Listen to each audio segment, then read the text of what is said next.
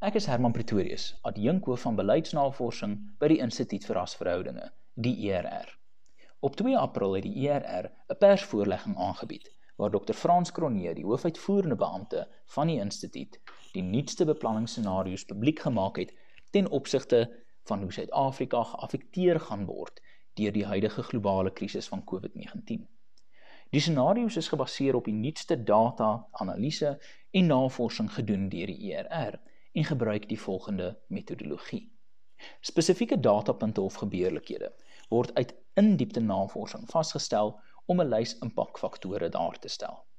Uit hierdie lys van impakfaktore word die belangrikste datapunt of gebeurlikheid geïdentifiseer en op 'n vertikale as geplot. Daaropvolgend word die mees onsekere datapunt of gebeurlikheid uit hierdie lys op 'n horisontale as geplot. Met hierdie twee asse is 'n scenario kwadrantiese vlaktes geskep met natuurlik vier kwadrante. Die kwadrante vorm die scenario parameters waarbinne toekomsontwikkeling noodwendigerwys gaan lê.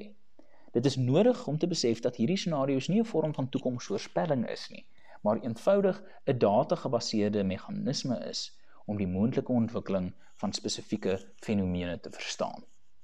In die huidige omstandighede en konteks van COVID-19 toon die ERR se toepassing van hierdie metodologie die volgende aan. Ten opsigte van die impakfaktore is die belangrikste geïdentifiseerde impakfaktor datapunt of gebeurlikheid heel bo aan die lys. Dit is die beskikbaarheid al dan nie van 'n teenmiddel vir COVID-19. Dit word op die vertikale as as dit ware van noord na suid geplot. Noord aanduidend dat die teenmiddel beskikbaar word, suid aanduidend dat die teenmiddel nie beskikbaar word nie. Om die horisontale as te verstaan, kyk ons na die mees onsekere datapunt en in huidige omstandighede is daai onsekere datapunt die sukses al dan nie van die isolasie protokols. Op die oostelike punt, as dit ware die regterkant van die horisontale as, word aangedui dat die isolasie protokols suksesvol is. Op die westelike kant of die linkerkant van die horisontale as, die teenkant, dat die isolasie protokols nie suksesvol is nie. Met hierdie twee asse dan ontstaan vier scenario's waarvan een hoogs onwaarskynlik is en dus uit die staanspoor verwerp word. Kom ons gaan deur hierdie scenario's vlugtig een vir een. Ons begin as dit ware regs bo.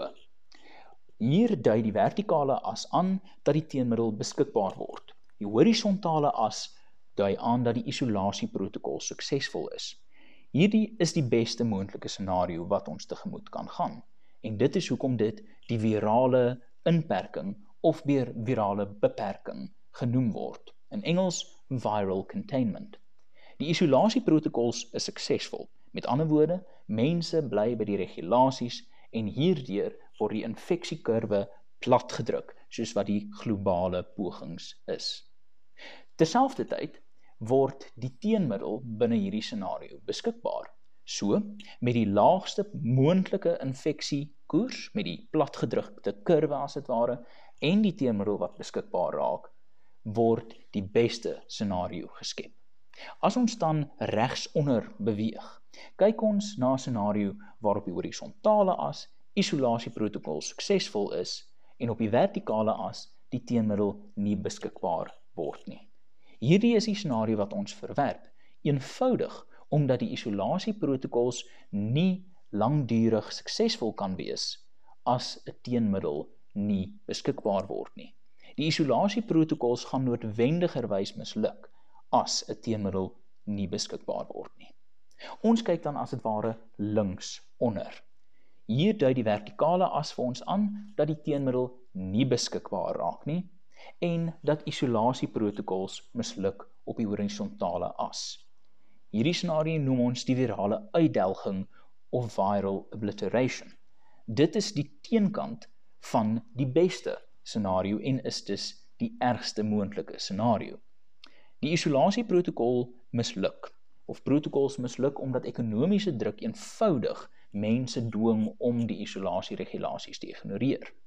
En As gevolg daarvan kan die infeksiekurwe nie platgedruk word nie en volg dan 'n baie styl helling. Gepaard gaande hiermee word geen teenmiddel binne hierdie scenario beskikbaar nie en dus is dit 'n baie gevaarlike scenario juis daarom die uitdelging as titel hier. Die laaste scenario wat ons na kyk as dit ware links bo. Kyk na 'n vertikale as waar die teenmiddel beskikbaar word, maar 'n horisontale as waar die isolasieprotokols misluk. So, waar die isolasieprotokols misluk en die kurwe van infeksie nie platgedruk word nie, maar 'n teenmiddel beskikbaar raak, word hierdie scenario 'n situasie van virale vuurgeveg dit is hoekom dit ook dan die titel van hierdie scenario is. Die drie scenario's wat dan ernstig opgeneem moet word is soos volg: virale inperking, virale uitdelging en die virale vuurgeveg. Ten opsigte van die duur van hierdie pandemie, het die virale impak, uh, die virale inperking 'n duur van tussen 18 en 24 maande. Die virale uitdelging het 'n durasie van tussen 3 en 4 maande as gevolg van die aggressie van die pandemie daarin. Die virale vuurgeveg het 'n durasie van tussen 6 en 18 maande. Om te kyk na die werksomstandighede en die effek op werkloosheid, is dit soos volg. Die virale inperkingsscenario. Aan die begin sien ons 'n verlies van werkloosheid of 'n verlies aan werk wat ongeveer in die omgewing lê van 7.6 tot 9.6 miljoen. Werkloosheid styg egter tot 40%, maar begin dan stelselmatig daal. In die virale uitdelging begin ons op dieselfde 7.6 tot 9.6 miljoen uh, werkloosheidssyfer. Maar die werkloosheidssyfer piek by 50% met die virale vuurgeveg kyk ons na dieselfde beginpunt, maar ons sien uh streeksgebonde sektorale golwe van werkloosheid van omtrent 50%. Ten opsigte van BBP groei kyk Suid-Afrika na 'n virale inperking groeikoers in die beste scenario van -2 tot -5% afhanklik van globale omstandighede. Die virale uitdagingsscenario vir 2020 het 'n veel meer impakvolle negatiewe gevolg BBP. Ons kyk na -7% of meer en 'n herstel oor verskeie jare word nodig. Dan laasens word daar gekyk na die virale vuurgeveg. Hier kan die ekonomiese skade in terme van BBP vir 2020 -5 tot -10% of meer wees. In terme van die mortaliteit of die gesondheidsgevolge van hierdie drie scenario's, kyk ons soos volg. Die virale inperking scenario sien 'n infeksie 'n interval van tussen 30 en 60% met 'n sterftesyfer van omtrent 1%. Die virale uitdelging scenario sien 'n infeksie van 80% en 'n sterftes 'n tempo of koers van 2%. Die virale vuurgeveg sien 'n infeksietelling van tussen 60 en 80% met 'n sterftekoers van tussen 1 en 2%. In terme van die interne stabiliteit van Suid-Afrika, binne die virale inperking is die interne stabiliteit goed. In terme van die virale uitdelging is daar vinnige en drastiese agteruitgang van interne stabiliteit. In terme van die virale vuurgeveg is die interne stabiliteit hoogs onvoorspelbaar. Die beëindigende gebeurlikheid vir hierdie drie scenario's is soos volg. Virale inperking word beëindig hierdie scenario dan deur die beskikbaar raak van 'n teenmiddel. Die virale uitdelging scenario word beëindig met die trop immuniteit of totale politieke onstabiliteit en hierdie twee kan waarskynlik saamgaan.